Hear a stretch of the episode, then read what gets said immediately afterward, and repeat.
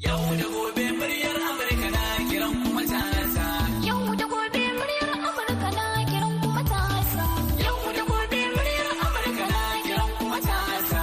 Yau da gobe. Daga murya Amurka a Washington DC. Masu sauraron mu Assalamu alaikum barkanmu da wannan lokaci shirin yau da gobe ne kuke saurara daga nan sashen Hausa na murya Amurka a birnin Washington DC. A kan mitoci 25 da 31 da kuma 41 ana kuma iya kama mu a birnin Yamai na jamhuriyar Nijar a VOA Africa kan mita 200.5 zangon FM. Sai kuma wasu tashoshin na zangon FM a jamhuriyar Nijar da suka hada da rediyo amfani da sarauniya da kuma niyya. A can kuma sai ƙasar Ghana kuma za a iya kama mu ta Alfa Radio. Sannan za a iya jin mu yanar gizo a voahausa.com ko kuma sashen hausa.com. Sunana Zahra Aminu Fage. A yau Juma'a goma sha shida ga watan Fabrairu na shekarar 2024. Shirin yau da gobe zai leƙa ne Najeriya tare da wakiliyar Binta Ibrahim inda a yau shirin namu zai tattauna akan muhimmancin kula da lafiyar jiki ba sai mutum ya samu wata lalura ba musamman ma matasa. Sannan wakiliyar mu ta tattauna da bakwar tamu ta yau akan irin gudunmawar da take baiwa marayu. Baya ga haka kuma za mu leƙa filin girke-girken mu. Sai a gyara zama a kasance tare da shirin yau da gobe.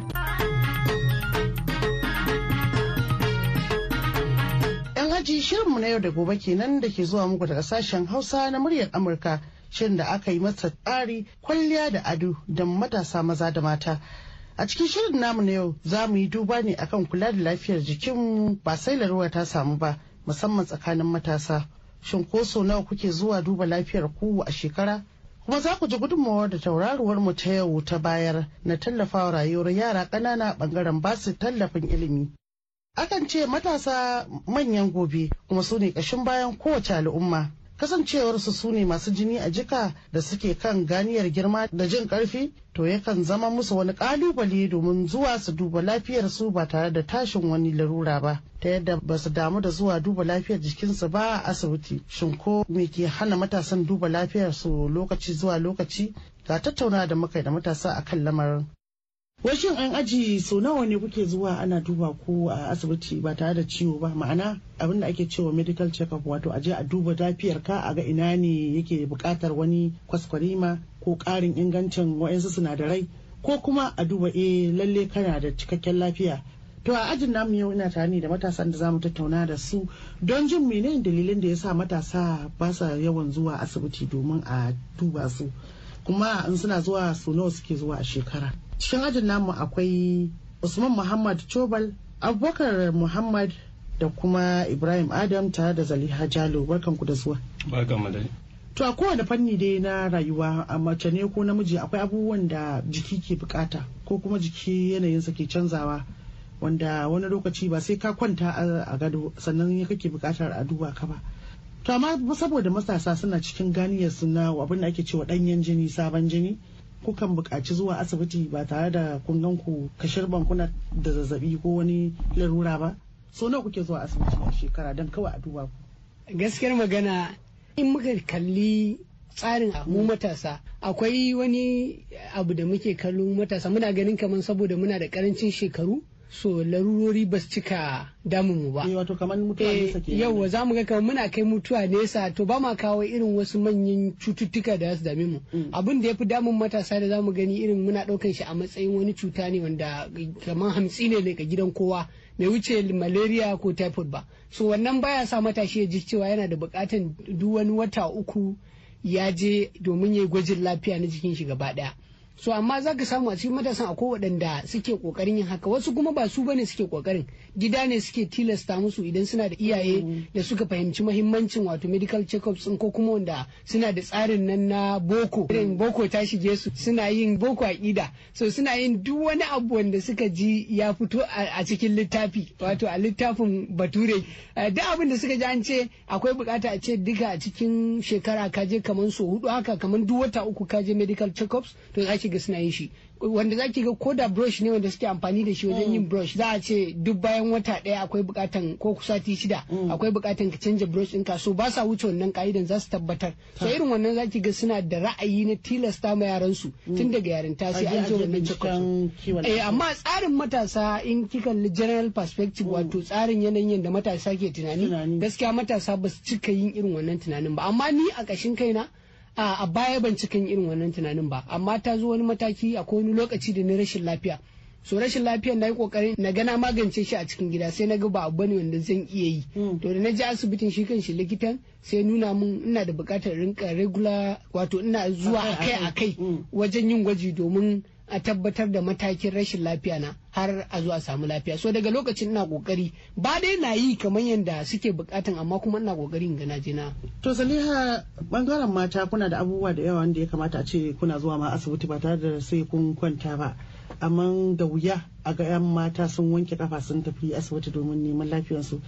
Shi a ɓangaren ku na mata ba kya ganin akwai buƙatar mace ta dinga zuwa asibiti akai akai kamar yadda ya ce kila wata uku ko duk bayan wata huɗu eh dan gaskiya akwai buƙatar mata su dinga zuwa asibiti akai akai saboda ko yanzu ana samun cases na kansa na mahaifa da mata ke samu. Wata za ga ta zauna da shi ba taba haihuwa ba amma abu kaɗan soji kaɗan da za a mata a cire shi. Sai kiga ya sa bata shi ne dalilin da ya sa bata haihu lokacin nan ba.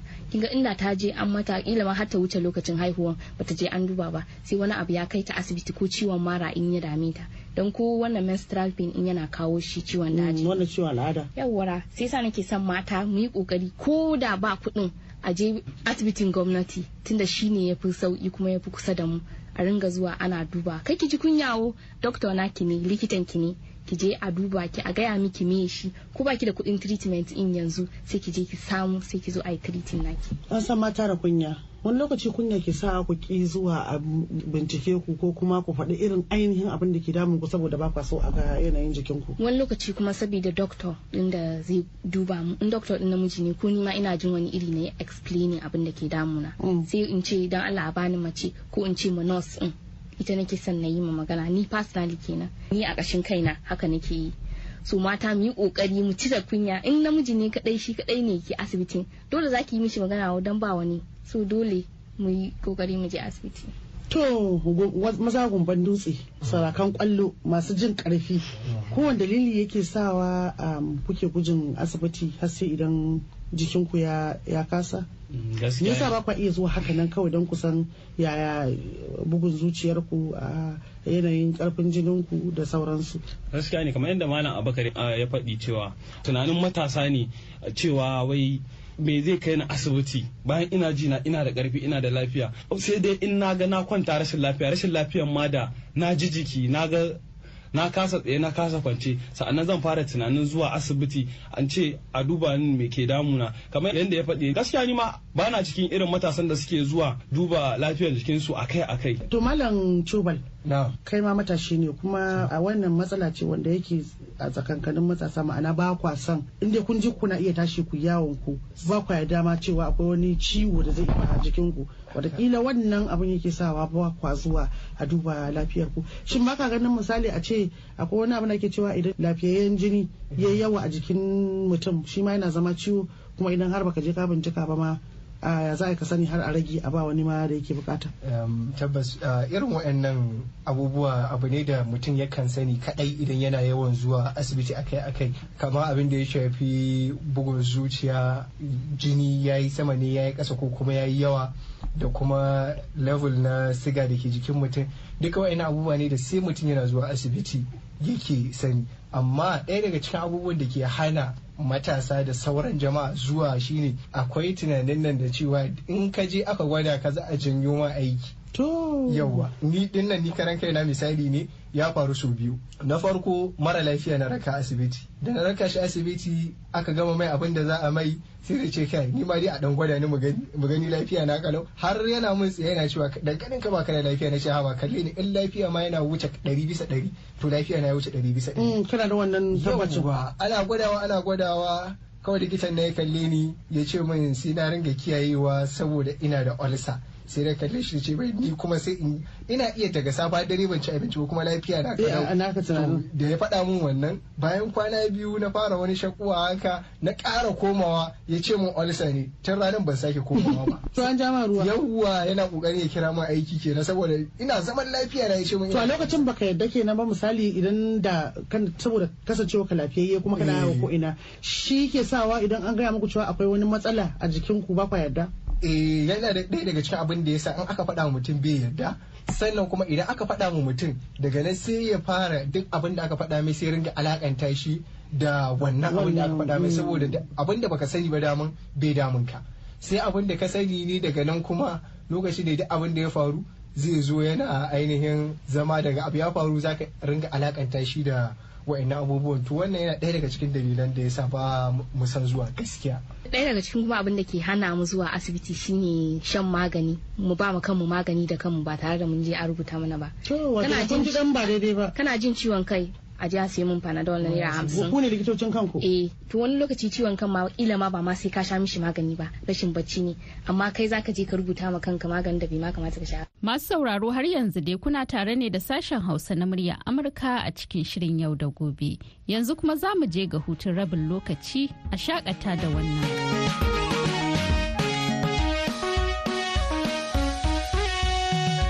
amfanin faɗake yau sa'adu zungur ke kira da amo mai karsashi. Mu zauna lafiya, mu zauna lafiya. zaman lafiya da juna zama na roƙon amana da maslaha da juna da soyayya da juna. Fahimci juna mu ɗau ilimi mu zauna mu yi amfani kununa in a aikace uwa na a ba kyama ba khiyana.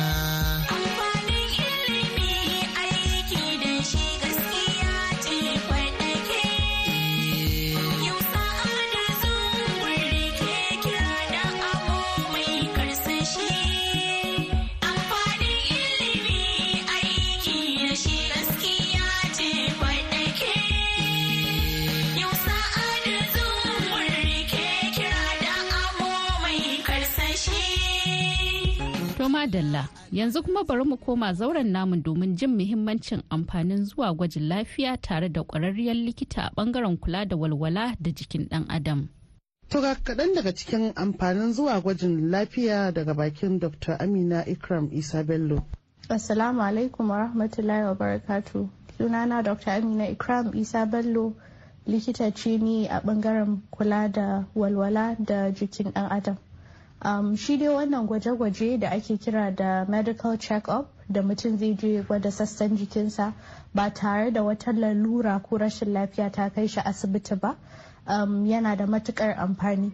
Saboda um, ko mota ce mutum yake da ya kamata a ce koyaushe yana dan canjin oil da man motar da bakin mai da wasu abubuwa. In ba haka ba jiki ne ana amfani da shi kullum. Kullum kana tashi kai amfani da jikinka kai abubuwa kai hidima kai abubuwa da yawa. Saboda haka dole jiki yana da buƙatar shi ma a dube shi.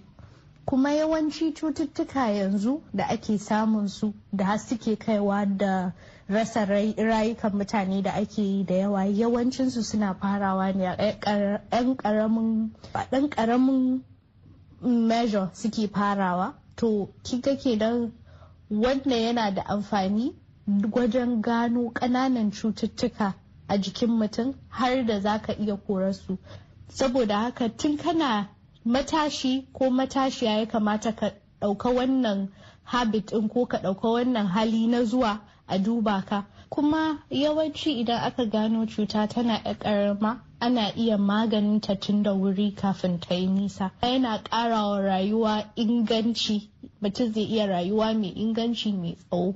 Shi dai wannan gwaje-gwajen matasa tsakanin shekaru ashirin zuwa kamar shekaru hamsin ana so su yi akalla ko sau ɗaya a cikin shekara ɗaya zuwa shekara uku. Dattijai kuma da suka wuce shekara hamsin ana so su yi akalla sau ɗaya a kowace shekara. Waɗanda kuma suke ɗauke da larura ta wata rashin lafiya misali masu um, cuta hawan jini ko wasu abubuwa kamar haka ana so su kuma su yi akalla sau biyu a kowace shekara. Abin da ya sa na kira waɗannan cututtuka wani lokacin ana samun ƙananan matasa ba dattijai ba suna samun irin waɗannan larura ta rashin lafiya misali ta hawan jini da diabetes a ƙananan shekaru wani amfani shi matashi ko matashiya za ta samu idan tana zuwa ana duba yanayin lafiyarta akai-akai. abu guda uku ka samu sani wato awareness ka samu sauƙi na kuɗi da zaka kashe a wannan shekarar kuma kai kanka ka rage wa kanka ka rage wa jikinka wahalar ciwo da zai ta yi cikin wannan shekarar gaba ɗaya. To kin ga ko ai wannan abu mai amfani ne. Kuma akwai cututtuka da muke da su na gado. Yawanci idan aka same su tun da wuri ana iya magance su mutum ya zama ya rayu wataƙila bai jikkata da wannan larurar ba ko wannan rashin lafiyar. Saboda haka gwaje-gwaje yana da matuƙar amfani.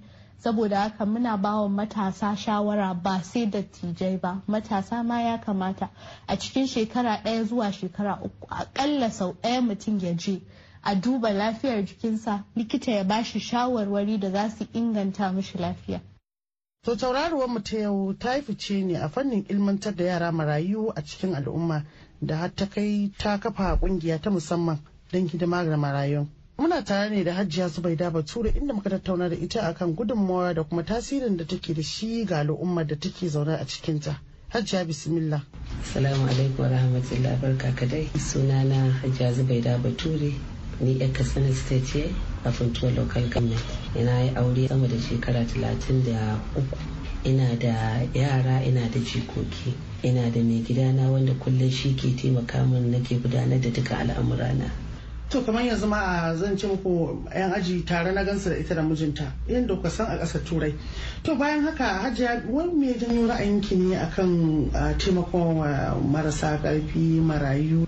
Abin da ya jawo hankali na farko inda na tashi na tashi na gaban mahaifina da mahaifiyata.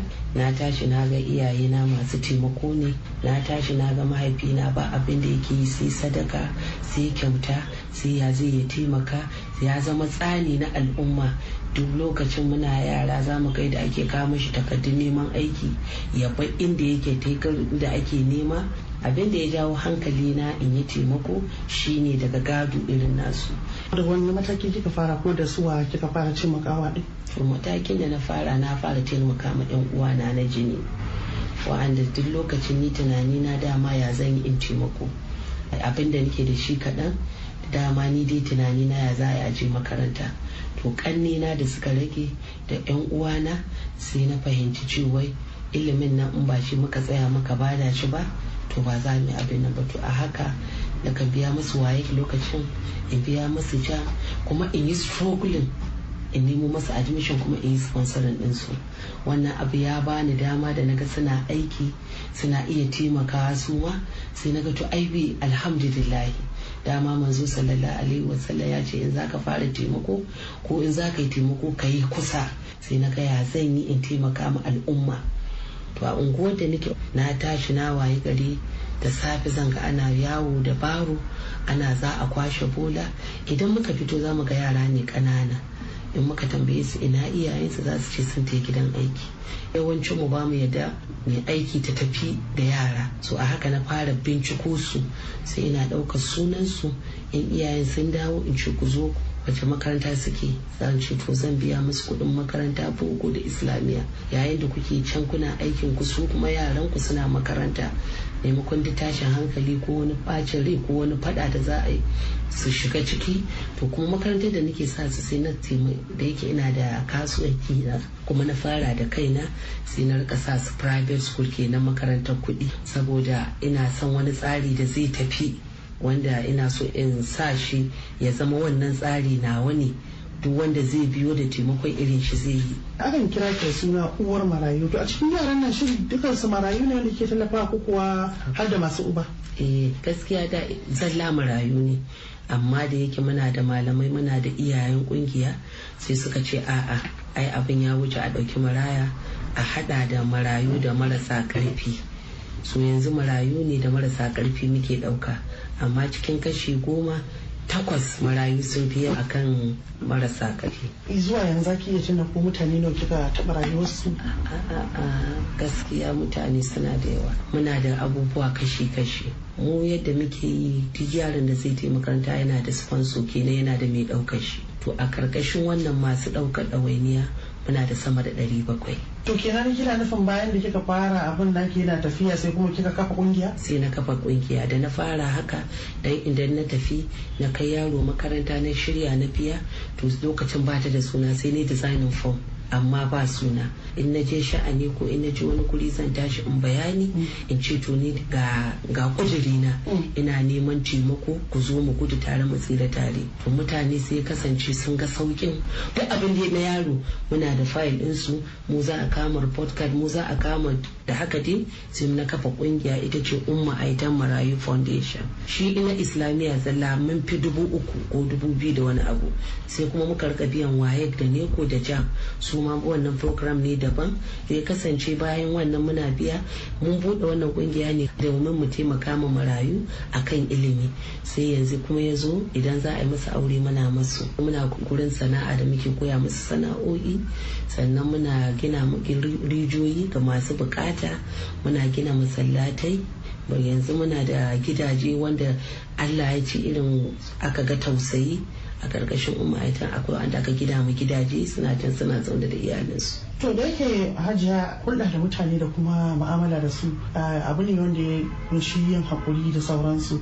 Kuma mutane suna da ɗabi'a da halaye mabambanta.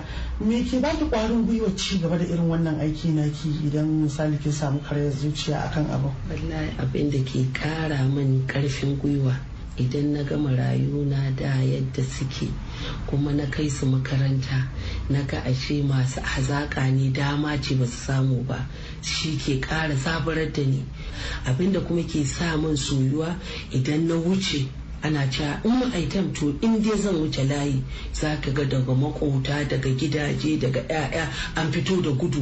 Wani ya rungume ni wani ya shi min albarka wani ya fashe da kuka. Suna godiya cewa ke kika cire mu daga cikin wannan. In ce ni tsani ce Allah ke cirewa. To wannan abu zai sa ba dare ba rana kullum Allah shi ke da kullum. Sai na fita ne aiki. Abin da ke ƙarfafa ni kenan. Aikin da muke muna ganin amfanin shi. Kuma yanzu haka suna university. Wasu wasu suna nce wasu suna foli dukkan in ka tafi zaka ga da suna yin ƙoƙari kuma da doing well. Abin da ke dan nake dan fama da shi zan ga mutum ba bai san ka ba baka san shi ba ka fito zaka taimake shi tsakani da Allah. Sai tafiya ta tafi. Amma fara ganin madarar jin daɗin abin sai iyaye su koma daga can su ce 'ya'yansu aure za su yi ko kuma za su tashi su ce su gashi ga wasu dalilai wanda bai kamata tunanin su ya ba su haka ba tunda sun fara gani. In ga mun ne tuka za a warware mana. Misali wata tana tunanin za tana so ta taimaka ko wani yana son ya taimaka amma kila ba mai ƙarfi ba ne bai da kuɗi ko kuma kila bai da ɗansu dabaru. To wani shawara za ki bashi ta inda shi ma zai iya taimaka ya taɓa rayuwar wa'yansu ko da mutum ɗaya biyu ne? Gaskiya ne. Wato idan mutum ya ce sai ya shirya ko sai yana da kuɗi ko ba zai yi. Shi manzo sallallahu alaihi wasallam ya ce ka ceci kanka da ɓaran dabino. Kenan dabino in za ka fara shi ka ba da shi shi ma sadaka ne. To akwai hanyoyi taimako da yawa. Magana mai daɗi sadaka ce. Ka ba da ruwa sadaka ne. Sannan wannan aikin idan na ce a lokacin sai na zama yadda nake so in yi shi da ban yi ba. Sai ga shi yau mutane sun amfana da yawa. Abin da ake so ka fara samun tunani mai kyau. Har in ka samu tunani mai kyau to ka ci ribar tafiya. Ba kuma inda na bai kaiwa. In ce alhamdulillahi saboda sama da mutum dubu uku ko dubu biyar suna alfahari da ni kuma na zama tsanin farin cikin su To ga tsarabar waƙa daga matashin mawaƙi Jibril Jalatu zuwa gare ku masu sauraro don zukata. Ba ke ba.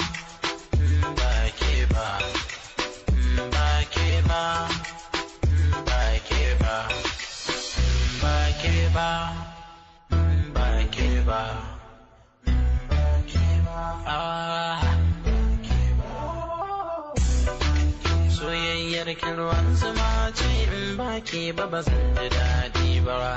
Ni na ke soyayya ta ke take mutunta ni. Soyayyar in ba soyayya ta ke take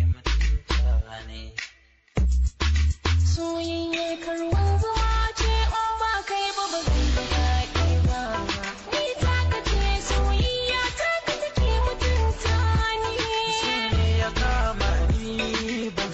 abin yi ba in ba ki ma ba dan ba zan fitowa ba soye kaman riga a jiki ya zanzaga tamkar kidan ganga bai na kara ba.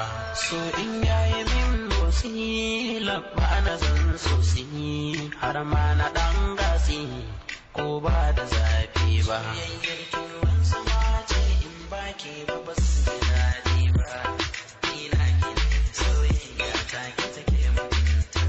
Kafin mu karkare shirin namu za mu leƙa filin kwalamar mu.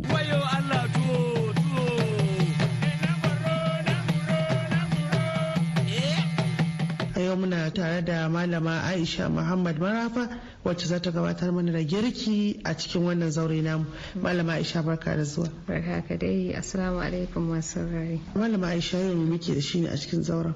Ta yau muna da lemun zogale. Kin san zogale yana da amfani kala-kala. Mm, haka aka ce nage daɗi goma ba? Mm, akwai abubuwa da yawa ake yi da shi ba wai dambu ba ko kwaɗon zogale. A yi shi kaɗai shi kaɗai. A'a akwai lemu wanda yake yana da amfani sosai a jiki. Hmm, Mm, yana gyara fata yana ƙara kuma lafiya. To masha Allah. To kaman yaya za a yi gabatar da shi wannan kunu kin ce kaman kunu ne na sha kaman lemu. lemu ko? Eh. to. wannan lemu na zogale akwai abubuwan da ake buƙata kafin a sarrafa shi. Akwai zogalen shi kan shi akwai kuma kokumba wato gurji da hausawa suke faɗa. Sannan akwai madara akwai kuma zuma da kuma abin ɗanɗano. Da farko dai uwar gida za ki nemi zogalen ki ɗanye mai tsafta an fi son dai ɗanyen saboda ya fi ɗanɗano da kuma dukkin san abu dai aka ce mishi ɗanye ne to zaƙin shi ma da garɗin shi ya fi fita. Mm, abin amfanin sama ai yana ya ciki sosai. ya fi ma wannan ya fi amfani a jiki. Uwar gida za ta wanke zogalanta ki zuba a a abin markaɗe ɗin nan wanda ake kira blender. To bayan kin neme shi kin wanke sai ki nemi kokumba ɗin naki shi ma ki wanke ki yayyanka shi ƙanana. Kika yayyanka shi ƙanana sai ki haɗa cikin abin markaɗe ki markaɗa shi ya nuku sosai ya laushi. Sai ki samu mazubi wato abin tata mai ɗan laushi haka ko rariya ko abin da kike tatan koko. Mai tsafta ki ɗan tace shi. Sai ki zuba madara amma madaran an fi son ta ruwa. In kuma ta garin ce kika samu dai sai ki dama ta da ruwa ki zuba sai ki zuba zuma. Kin san duk abubuwan da aka yi amfani da su kalan kore ne. To an fi so idan aka dan sa madaran zai dan kara canza kala ya dan baka sha'awan sha. To sai bayan nan sai ki saka zuma dinki sannan ki sa flavor din wato abin ɗanɗano. Ki jujjuya sai ki sa shi a firij in kika sa a firij ko kuma ki samu kankara in a lokacin za a sha sai ki sa kankara kawai sai a sha. Kuma uwar gida wannan haɗi yana ƙara lafiya da gyara fata. Kuma ana iya shan shi a kowane lokaci uwar gida. Ma bayan an ci abinci ne an fi son shi a bayan an ci abinci sai ya ƙara a irin yadda ake bature ke cewa sweet after meal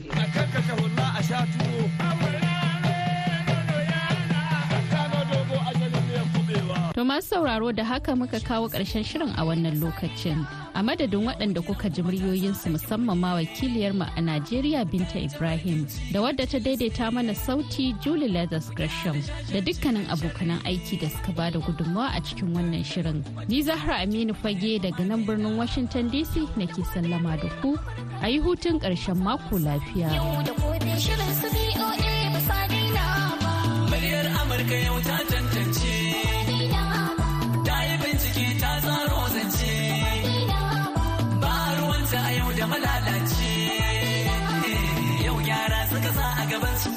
was I supposed